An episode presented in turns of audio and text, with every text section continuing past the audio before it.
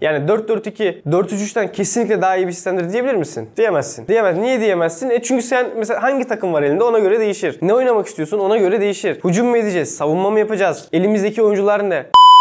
Ben sana Mısır'a dünyanın en iyi anayasasını yazayım. En iyi sistemi de yapayım. Geçelim. Ne olacak? Mısır uçacak mı? Mısır Norveç mi olacak? O yani sen inanıyor musun buna? Mısır'ı kurtaracağım abi. Ne yapacaksın? Parlamenter sisteme geçiyor. Olur mu yani böyle? Sence olacak mı yani? Bakarsın dünyadaki en büyük 10 kulübe. Bunlar ne oynuyor? Hangi formasyonla oynuyorlar? Bu sana bir şey ifade eder. Amerika kurur- kurulurken kurucu babalar diyorlar ki bu fakirler fazlalar sayıca. Bu fakirler bizim malımıza mülkümüze çökmesinler ileride. Bunlar bizi yok etmesin. Bugün başkanlık sistemiyle parlamenter sistemi anlatacağız. İkisini birbirine kıyaslayacağız ve hangisinin daha iyi olduğu konusunda yorum yapacağız. Şimdi bunlar hükümet sistemleri yani başkanlık ve parlamenter sistem deyince çok şeyler karışır. Rejim tipidir işte yönetim sistemi vesaire vesaire. Bunlar hükümet sistemleri. Bunların hükümet sistemleri denme sebebi de şu. Hükümeti kim seçiyor? Neye göre seçiyoruz? Yani hükümeti başkanlık sisteminde halk ayrıca başkanı seçer. O hükümeti oluşturur. Parlamenter sistemde ise sen parlamentoyu seçersin. Parlamentonun içinden bir hükümet çıkar. Fark bu. Yani birinde doğrudan başkanı seçiyorsun, öbüründe parlamentoyu seçiyorsun, parlamentodan çıkıyor. Şimdi başkanlık sisteminin özelliklerini bir istersen anlatalım. Ardından parlamenter sisteminin özelliklerini anlatırız tanımlamak için. Başkanlık sisteminin özellikleri şunlardır. Bir, yürütmenin başı ve devletin başı tek kişidir. Yani parlamenter sistemi düşünecek olursak mesela eski Türkiye'yi. Cumhurbaşkanı vardı bir. Bu yü- yürütmenin başı değildi. Sembolik baştı. Devletin sembolik başıydı. Bir de yürütmenin başı başbakan vardı. Parlamenter sistem böyleyken başkanlık sisteminde bu adam tek kişidir. Başkan kendi hükümetini kendi kurar. Kendi kabinesini kendi kurar ve o kabine başkana karşı sorumludur. Yani ön- parlamenter sistemle yeni kıyaslayacak olsak parlamenter sistemde kabine meclise karşı sorumluyken burada başkana karşı sorumlu. Bu ne demek? Meclis eskiden hükümeti düşürebilirken burada Başkanlık sisteminde meclis hükümeti düşüremez. Fark bu. Dolayısıyla sorumluluk iki tane farklı şimdi başkanlık sisteminde iki farklı meşru organ var aslında. Bir parlamento var yasamadan sorumlu. Bir de başkan var. İkisi de seçimle gelmiş halk tarafından seçilmiş. İkisinin de halk meşruiyeti var. Aslında başkanlık sistemi göreceğiniz üzere çok e, net bir güçler ayrılığına dayanır. İki tane birbirini dengeleyip frenleyecek büyük kurum var. Bir yürütme bir de yasama. Parlamenter sistemin özelliklerini anlatacak olursak başkanlıkta zaten biraz anlattım. Yasa, yürütmenin başıyla devletin başı farklı. Meclise karşı sorumluluk var. Meclis hükümeti düşürebilir. Hükümet kendi de tabii ki erken seçime götürebilir ülkeyi. Erken seçim olasılığı var. Bir, iki seçim arasında birden fazla hükümet kurulma ihtimali var. Meclisten başka başka partiler koalisyon yapıp hükümet kurabilirler. Temelde böyledir. Parlamenter sistemde bir istikrarsızlık, bir dengesizlik hali vardır diyebilir miyiz? Şimdi parlamenter sistemde bir istikrarsızlık, dengesizlik hali olabilir. Şuradan kurabilirsin. Çok fazla koalisyon ihtimali var. Koalisyonlar yapıyorsun. Başkanlık sisteminde bir tane başkan var neticede. O başkanı seçiyorsun. Ha, orada da başkan üzerinde bir ortak mutabakat olabilir. Bir koalisyon olabilir ama kağıt üstünde baktığınız zaman evet, parlamenter sistem koalisyonlara gebe. Ama bu bir istikrarsızlık yaratır mı sorusunun cevabı net değil. Neden? Çünkü başkanlık sistemi bu arada bu sistem tiplerini anlatırken şu önemli. Bu sistem tiplerini biz idealler üzerinden anlatıyoruz. Yani başkanlık sistemi dediğim zaman ben aslında Amerika'yı anlatıyorum. Ben burada şey anlatmıyorum. Afrika'daki bir ülkedeki başkanlık sistemi modelini anlatmıyorum. Amerikan modelini anlatıyorum. Türkiye'dekine de uy- uymuyor. Türkiye'dekine de uymuyor. Türkiye'dekini de anlatmıyorum başkanlık sistemi zaman. Veya parlamenter sistem dediğin zaman da akıllara işte Afrika'nın bir ülkesinde parlamenter sistem varsa o gelmiyor zaten. Batı Avrupa modeli geliyor. Şimdi başkanlık sisteminde esas eleştirilen konu şudur. Şimdi bir başkan var, bir de yasama var dedik. Bu ikisinin farklı meşruiyetleri var. Bu ikisi farklı ellere düşerse ne olur? Yani başkanın partisi yasamada güçlü olmazsa ne olur? O zaman aslında sistem kilitleniyor. Yani aslında başkanlık sistemi daha fazla stabilite problemine yol açabilir. Daha fazla karışıklık olabilir. Çünkü sistem kilitlenir. Amerika'da mesela bu çok olur. Hani yasama ve yürütme birbirinden ayrı kaldığı zaman Trump mesela istediği yasaları geçirtemez. Yani bütçeyi falan vermiyorlar. Bütçeyi vermezler. Birçok sıkıntı ve işin kötü yanı mesela başkanlık sisteminde erken seçim de yok. O işte seçim dönemleri arasında 4 yıl mı 5 yıl mı şey yapmak zorundasın. Devam edeceksin öyle. Yani o kilitli sistem devam ediyor. Aslında parlamenter sistem bu anlamda daha şey diyebiliriz. Daha değişimlere açık, daha akışkan, daha kendini adapte edebilme, yeni süreçlere, yeni koşullara adapte edebilme gücü yüksek bir sistem. Ama Yine aynı şeye geliyoruz. Şimdi dedim ki işte parlament başkanlık sisteminde sistem kilitlenebiliyor vesaire erken seçim yok. Yürütme, yasama birbirini feshedemiyor. Anayasa bir madde eklersiniz. Bunların hepsi olur. yani bu ideal tip olarak söylüyorum bunu ama mesela Türk tipi başkanlıkta e, erken seçim var. Yine kolay değil onu e, ciddi bir çoğunluk gerekiyor herhalde ama anayasaya bir madde eklediğin zaman bütün bu bahsettiğim negatif etkiler, pozitif etkiler değişiyor tabii. Tamam şimdi biraz bahsettin de şimdi bunların tam kıyası nasıldır? Hangisi daha iyi? Hani Türkiye'de hangisi olsa daha iyi yönetilir bu ülke diye. Şimdi e, videoyu başlık güzel olsun diye şey yaptık. Hangisi daha iyi falan gibi sorduk ama aslında bu sorular çok anlamlı sorular değil. Yani niye çok anlamlı sorular değil? Neticede bunlar bir hükümet sistemi. Yani bunlar bir formasyon aslında. Formasyon dediğim bunlar 4-4-2, 4-3-3 gibi bir şey futboldaki. Yani bu bu 4-2, 4-4-2, 4-3-3 hangisi daha iyi diye bir soru ne kadar anlamlıysa bu soru da o kadar anlamlı. Yani 4-4-2, 4-3-3'ten kesinlikle daha iyi bir sistemdir diyebilir misin? Diyemezsin. Diyemezsin. Diyemez. Niye diyemezsin? E çünkü sen mesela hangi takım var elinde ona göre değişir. Ne oynamak istiyorsun ona göre değişir. Hücum mu edeceğiz? Savunma mı yapacağız? Elimizdeki oyuncular ne? Rakip kim? Her şeye göre değişiyor. Burada da aynı şey geçerli. Yani sen ülke olarak hedeflediğin şey ne? Eldeki malzeme ne? Bir de ne olursa olsun bir çıkabileceğin tavan var. Yani bir ülkeye en çok uyan sistem parlamenter sistem diyelim. E tamam. Parlamenter sistemi getirdik ne olur? Uçacağız mı? Uçmayız. Yani Galatasaray 4-4-2 geçince şey mi olacak? Barcelona'yı mı yenecek? Yenemez. Yine de bir kıyas yapacak olursak şunu söyleyebiliriz. İdeal tipler üzerinden özellikle. Başkanlık sistemi kağıt üstünde güçler ayrılığında daha elverişli bir sistem. Eğer Amerikan tipini uygularsan. Ve onu uyguladığın zaman mesela çok net bir şekilde demokratik değerler olsun, bireysel hak ve özgürlükler olsun onları koruyabildiğin, yürütmeyi sınırlandırabildiğin bir ülke elde edebilirsin. Ama yine aynı şeye geliyor. Yani Türkiye gibi bir ülkede mesela sen sistemi tıkamak mı istersin? Statükoyu korumak mı istersin? Yürütmeyi sınırlandırmak mı istersin? Yoksa yürütmenin önünü açmak mı istersin? Buna göre de seçim yaparsın. Yani Amerika'da bunun belli bir mantığı var. Veya işte Avrupa'da bir mantığı olabilir. Hani güçler ayrılığı ilkesinin. Çünkü adamlar diyorlar ki biz zaten mükemmel bir ülkeyiz artık statüko burada dursun. Ama sen dersin ki Türkiye'de ben devrimci bir hareketim. Yani devrimci bir hareket dediğim hani sisteme karşıyım ve sistemi değiştireceğim belli anlamda. O zaman e,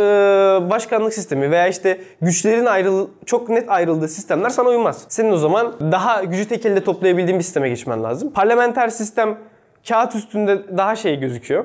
Buna daha müsait gözüküyor. İçeride çünkü parlamentodan bir tek başına çıktığın zaman her yeri sen kontrol etmiş oluyorsun. Ama dediğim gibi yani yine anayasal düzenlemelerle bunları değiştirebiliyorsun. Yani anayasal düzenlemeyle işte atıyorum baraj koyarsın. O zaman parlamenter sistem daha da şey olur. Daha az parti olur parlamentoda. Daha da stabil bir hale gelir falan filan. İstediğin gibi değiştirebiliyorsun yani. Yani mesele o kadar sistem meselesi değil aslında. Biraz rejim meselesi. Mesele sistem meselesi değil. Mesele biraz rejim meselesi. Mesele rejim meselesi de değil. Mesele insan meselesi. insan kalitesi Evet, meselesi. evet. Yani toplum meselesi. Yani şimdi sen mesela parlamenter sistem dedik ya şeye müsaittir aslında.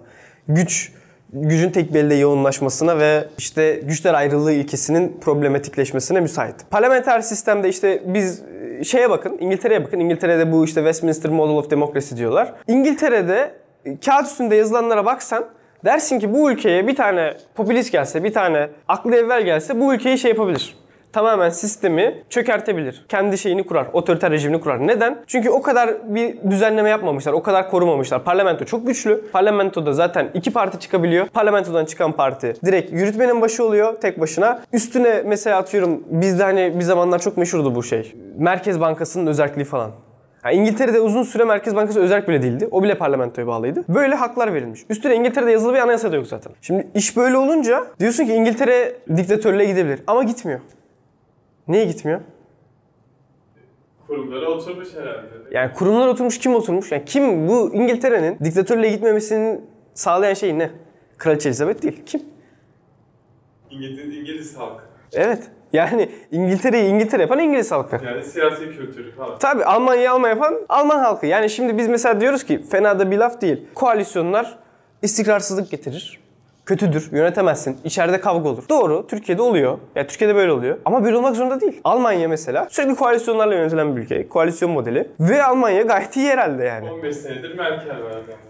15 senedir Merkel var. Merkel ama mesela gidiyor büyük partilerle koalisyon yapıyor. Yani tek başına Merkel yok. Koalisyonla var. E gayet Almanya güzel bir yer yani. Hiçbir sıkıntısı yok. Demek ki yani bu koalisyon kötüdür de bir ezber. O ülkenin politik kültürü belirliyor. Yani bir ülkede demokratik değerlere inanç varsa, demokratik kültür varsa o zaman onlar aslında demokrasinin teminatı oluyor. Onlar aslında daha belirleyici oluyor. Sistemler falan neyi değiştirecek ki? Ben sana Mısır'a dünyanın en iyi anayasasını yazayım. En iyi sistemi de yapayım. Geçelim. Ne olacak? Mısır uçacak mı? Mısır Norveç mi olacak? O yani sen inanıyor musun buna?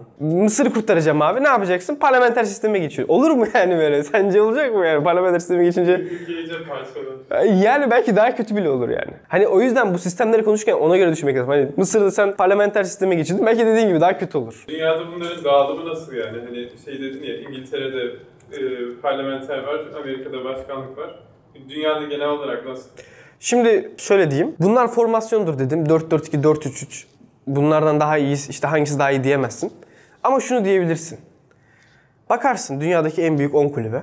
Bunlar ne oynuyor? Hangi formasyonla oynuyorlar? Bu sana bir şey ifade eder. Şimdi bu dünyadaki en büyük kulüplere bakıp bunların hepsi 4-3 oynuyorsa bu demektir ki ya bu 4-3-3 en modern, en gelişmiş futbol oynatıyor. En göze hoş gelen. Ya bir şey var bu 4-3-3'te onu gösterir yani bu. E şimdi bugün dünyadaki modellere baktığımız zaman da başkanlık sistemiyle yönetilen ülkeler Amerika'yı kenara bırakıyorum. Amerika'yı dışarı bırak. Üçüncü dünya karması. Demokrasisi sorunlu ülkeler. e, Güçler ayrılığı falan hak getire. Bir de parlamenter sistemle yönetilenlere bakıyorsun. e, Bütün Batı Avrupa. Avrupa karması o da. Bu, bu da aslında bir şeyleri gösteriyor olabilir. Yani dünya gerçek hayattaki örneğine baktığımız zaman hani parlamenter ba- başkanlık sisteminin şey değil mi? Güçler ayrılığının daha net olduğu bir e, sistem. Gerçek hayatta öyle olmuyor. Gerçek hayatta başkanlık yönetilen ülkeler Afrika ülkeleri, Latin Amerika ülkeleri. işte demokrasi gelişmemiş ülkeler ve buralarda gördüğümüz aslında gücün tek bir elde daha çok yoğunlaşması. Çünkü yasamayı bypass ediyorlar. Yasama güçlü olmuyor. Başkan her şeye başkan karar veriyor. Zaten o işte yasama mı yürütme mi güçlü? Burada esas önemli olan faktör de o biraz şey değil. Hani başkanlık mı parlamenter sistem mi değil, yasama ve yürütme arasındaki denge ne? Bir başkanlık sistemi yaparsın, başkana kararname yetkisi verirsin. Kanun hükmünde kararname etkisi gibi. İşte kararname çıkartabilir o. Aynı zamanda güçlü veto etkileri vardır. Güçlü veto etkileriyle meclisi bypass eder. Kararnameleriyle de kendi yasamasını yaratır. E şimdi gerçek hayata bakıyoruz. Başkanlık sistemiyle yönetilen ülkeler çok daha otoriter ülkeler. Çok daha demokrasi sorunlu ülkeler. Parlamenter sistemde öyle değil. O yüzden belki şey diyebiliriz yani. İyi ülkeler bunu kullanıyor. Demokrasiler daha düzgün. Belki parlamenter sistem daha iyidir diyebiliriz. Amerika dışında iyi örnek benim aklıma gelmiyor başkanlık sisteminde. Yarı başkanlık ülkeler var. Yarı başkanlık yönetilen. Biri Rusya, biri Fransa. Rusya'nın hali ortada. Amerika şey anlamında çok güzel bir örnek bence. Güçlerin ayrılması ve yürütmenin sınırlanması anlamında. Onun da bir mantığı var. Yani Amerika kurulurken kurucu babalar diyorlar ki bu fakirler fazlalar sayıca. Bu fakirler bizim malımıza, mülkümüze çökmesinler ileride. Bunlar bizi yok etmesin. O zaman ne bireysel hak ve özgürlükler korunacak. Böyle bir kutsallar yaratılıyor. O Amerika'nın anayasası işte. Hala o zaten o çok önemli bir söylemdir Amerika'da. Hani anayasanın ikinci maddesine göre sen buna dokunamazsın. Şu özgürlüğü, bu özgürlüğü. Hani öyle bir söylem de güç de yaratılmış. Onun mantığı ne? Bunlar bizim paramıza çökmesinler. Bu fakirler iktidara ele gelip bizim malımıza çökmesin. Ne yaparız? Eğer biz iktidarı çok sınırlandırırsak, iktidar maksimumda çok az hareket edebilirse o zaman en fakir bile gelse, en büyük devrimci güç bile gelse bizim malımıza falan çökemez. Bizim çünkü haklarımız güvence altına almış. Öyle bir sistem düzenliyorlar. Yani onlar da şey için yapmıyor. Amerika'da şey için yapmıyor. Güçler ayrılığı e, daha ulvi bir şeydir. Ahlaken daha iyidir falan gibi değil. Adam da kendi çıkarını koruyor aslında. Sta- Statikocu yani. Statikocu yani statikocu. Eğer siz statikodan memnunsanız, statiko iyiyse sizin için statikoyu korursunuz. Statikodan memnun değilseniz güç tek elde toplansın yıkalım dersiniz. Meclis hükümeti. İşte o bizim birinci meclis falan. Her şey o. E neden? Çünkü devrimci bir hareket. Gücü elinde toplaması lazım. Yeniden yaratacak şeyi. Fransız devrimi sonrası meclis de öyle falan filan. Ya neticede sonuç şöyle bağlansın. Türkiye'de de çok bu tartışma oluyor. Başkanlık sistemi mi, parlamenter sistem mi? Ya neye geçersek geçelim çok bir şey değişmez bizde yani. Ne değişecek ki? Hani Önemli olan siyasi kültür. e, siyasi kültür Yani falan. Anayasayı değiştirelim diyorlar. Değiştirsek düzelecek. Ya anayasanın etkisi olur. Evet onu kabul ederim. Yani çünkü anayasaya göre yönetiliyorsun. Orası özgürlükçü bir anayasa olursa e, mecburen dolayısıyla o daha özgürlükçü bir toplum yaratır. Ama anayasaya sen istediğini yaz. Eğer o kültür ona müsaade etmiyorsa yönetenler, o anayasayı kullanacak olanlar bir şekilde kenarından köşesinden dolaşır zaten. Bu anayasayı işle, işlevsel kılacak mekanizma nedir? Yine insandır. Yine oraya dönüyoruz yani. Ha tabii yani bir anayasa çok katı bir anayasaysa, çok otoriter bir anayasaysa onun net sonuçları olur. Özgürlükçü bir anayasaysa onun net sonuçları olur. Ama en nihayetinde belirleyici olan yine nedir? Oradaki toplumdur. Yönetenlerin toplumdan nasıl etkilendiği, toplum ne istiyor, yöneten ne veriyor. E çünkü neticede hani İngiltere'de Boris Johnson geldi mesela bir şeyleri değiştirebilir mi? Hani orada kendi otoriter rejimi kurabilir mi? Zannetmiyorum. Yapamazsın. izin vermez İngiliz halkı. E o yüzden de şeyi görüyorsun. Yani Türkiye'de öyle olmuyorsa işler demek ki bizim toplum onu talep etmiyor. Amerika'da böyle olursa demek ki Amerikan toplumu onu talep ediyor. Yani orada bir denge var. Toplumun Biraz ne Nasılsak öyle yönetiliriz. E, yani öyle ne olacak ki? Başka nasıl olabilir ki zaten? Neye inanırsan, neyi düşünürsen onun farklı bir sonucu oluyor. Sen güçler ayrılığına inanmadığın zaman farklı bir yönetim şeklin oluyor. Farklı bir ülken oluyor. Onun sonuçlarını da yaşıyorsun. O zaman Ömer'cim çok teşekkürler. Ben teşekkür ederim. Buradan bir anons yapalım. Artık geri döndük. Daha çok video çekmeye başlayacağız. Herkesin düzeni oturdu. Bundan sonra iki haftada bir video çekmek iyi düşünüyoruz. Beğendiysek yorum yapmayı unutmayalım. Teşekkürler. Ben çok keyif aldım. İnşallah siz de keyif almışsınızdır.